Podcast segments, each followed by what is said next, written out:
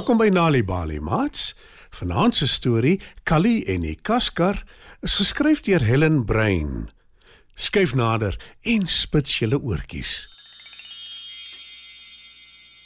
Op 'n dag toe Callie en sy pappa die stuk oop veld langs hulle huis skoonmaak en die gemors opruim, kry hulle 'n ou stootwaandjie tussen die lang gras. Nog iets om op ons hoop te gooi. Sê pappa, maar Callie keer en sê: Nee, pappa. Ek kan dit goed gebruik. Waarvoor seun? Dis stikkend en geroes.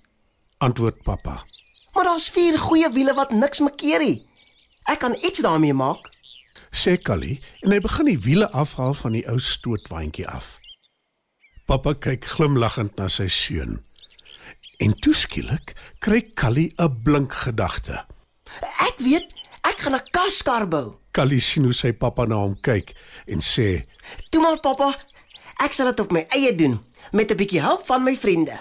En die eerste plek waar Callie aandoen, is die skrynwerker wat hulle skool se banke afskuur. Hy gesels dikwels met meneer Liebenberg oor sy werk en toe hy hom vra of hy dalk ou houtplanke het vir hom, antwoord die skrynwerker: Baie beslis, Callie. Kyk daar een kant op die hoop. Vat wat jy nodig het. Oppas net vir splinters. Dankie meneer Liebenberg. Antwoord Callie bly en hy soek 3 houtplanke uit. Nou het hy al 4 wiele en 3 planke. Wat hy nou nodig het, is tou om alles aan mekaar vas te bind. En hy weet net wie om te vra daarvoor. Hy en pappa koop altyd vis by meneer Smit, die visserman. Daar's 'n klein hawe op hulle dorpie en hy gaan soontoe. Meneer Smit is net besig om die vis wat hy die oggend gevang het van sy boot af te laai. Middag meneer Smit. Daar's nie dalk ou toue hier wat ek kan gebruik vir my kaskar nie. Vra hy. Meneer Smit glimlag en antwoord: Ek het sopas 'n hele nuwe rol gekoop. 'n Nuwe tou is beter en sterker. Sny vir jou 2 meter af. Maar wees versigtig met die mes. Moenie jou vingers raak sny nie. Meneer Smit gee vir Callie sy mes en sommer vinnig meet en sny die seun 2 meter tou af. Hy bedank meneer Smit en groet hom. Nou het ek 4 wiele, 3 planke en 2 meter tou. Al wat ek nou nodig het is skroewe en boute. Sê Callie in sy skik. En hy weet net waar om dit te kry. Juffrou Ans se motorhawe. Sy is die motorwerktuigkundige daar en Callie ken haar goed. Daar aangekom, sê hy: Middag juffrou Ans.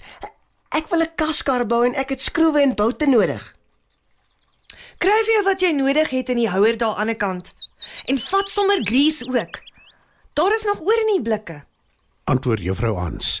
Sy glimlag en gee vir Callie die blikkie. Werk sommer hier aan jou kaskar.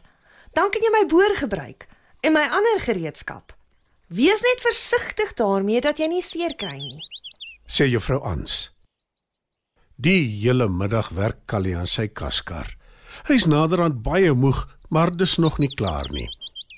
Juffrou Ans gee vir hom skuurpapier om huis toe te vat om verder aan sy kaskar te werk. En dis presies wat hy die volgende oggend doen, want dis gelukkig Saterdag. Callie staan en skuur die planke van die kaskar in hulle oprit toe Lulu, die bure se dogter en een van sy beste maats daar aankom. Wat maak jy? Wil Lulu weet. 'n Kaskar, die beste een ooit. Antwoord Callie trots. Kan ek dit vir 'n toetsrit vat wanneer jy klaar is daarmee? Vra Lulu. As jy my help skuur aan die planke, Antwoord Callie. Lulu vat van die skuurpapier en help Callie. Kort daarna daag Annetjie op. Sy is Callie se niggie en sy speel met haar bal. Wat maak julle? Wil Annetjie weet. 'n kaskar. Antwoord Callie en Lulu. Kan ek ook daarin ry wanneer dit klaar is? Vra Annetjie. As jy ons help skuur. Sê Callie en Lulu gelyk. Al drie skuur nou fliks aan die kaskar toe hulle maat Martinus opdag. Hy wil ook weet wat hulle maak en hulle vertel hom van die kaskar. En natuurlik wil Martinus ook 'n beurt hê op die kaskar. En hy help hulle ook nou skuur. Vele hande maak ligte werk en sommer gou-gou is die kaskar kant en klaar. Kali trek dit uit in die straat voor hulle huis. Daar is 'n styl bult. Maar dis gelukkig 'n doodloopstraat met min verkeer en hy sê: Hou kyfie vir as daar karre aankom. Ek gaan op my kaskar ry. Sis Kali, jy het beloof ek kan eers ry. "Sê Lulu," Eintlik het jy ons almal beloof. sê die ander. Kali sug gelate en sê: Nou goed. Julle kan eers ry. Lulu spring op die kaskar en voordat Kali vir haar kan verduidelik dat sy die tou as stuurwiel moet gebruik, trek sy weg af met die bult. Al vinniger en vinniger ry die kaskar. Lulu probeer vergeefs om dit te stop, maar dit beland in 'n sloot langs die pad. Ag nee. Roep Kali, Dis nie my skuld nie. Die ding het nie prikke nie. sê Lulu. Dit is jou skuld. Jy moes gewag het dat ek vir jou verduidelik hoe om die kaskar te stop. Mens trek aan die tou om spoed te verminder. Antwoord Kali vies. Ek is jammer. Antwoord Lulu skuldig. Die kinders haal die kaskar uit die sloot. Kali kyk daarna en sê: Nou, Dit is dan nie te erg nie. Ek sal die skade regmaak. Alleen. En van nou af ry net ek met my kaskar. "Voeg hy by."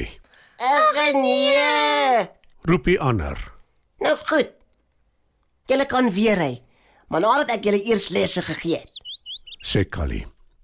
Die kinders stem verlig in.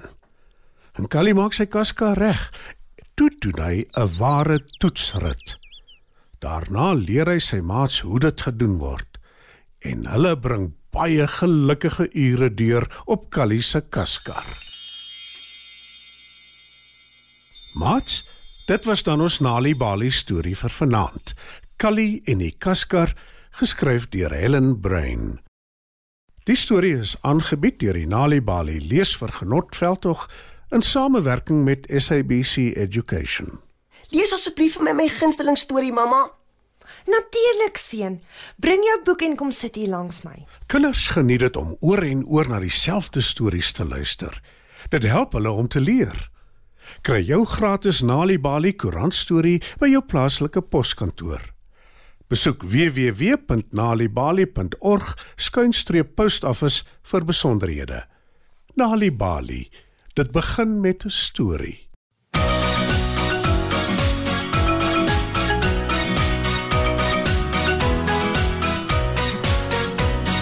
Groente en vrugte moet jy eet. Jy het dit nodig, En as jy groot en sterk en gesond wil word, eet al die groente en die vrugte op jou bord. Groente en vrugte moet jy eet. Broccoli en kool, pompoen en beet. Pisang en papaya, kujawel en 'n peer. Eet dit op en sien wat gebeur.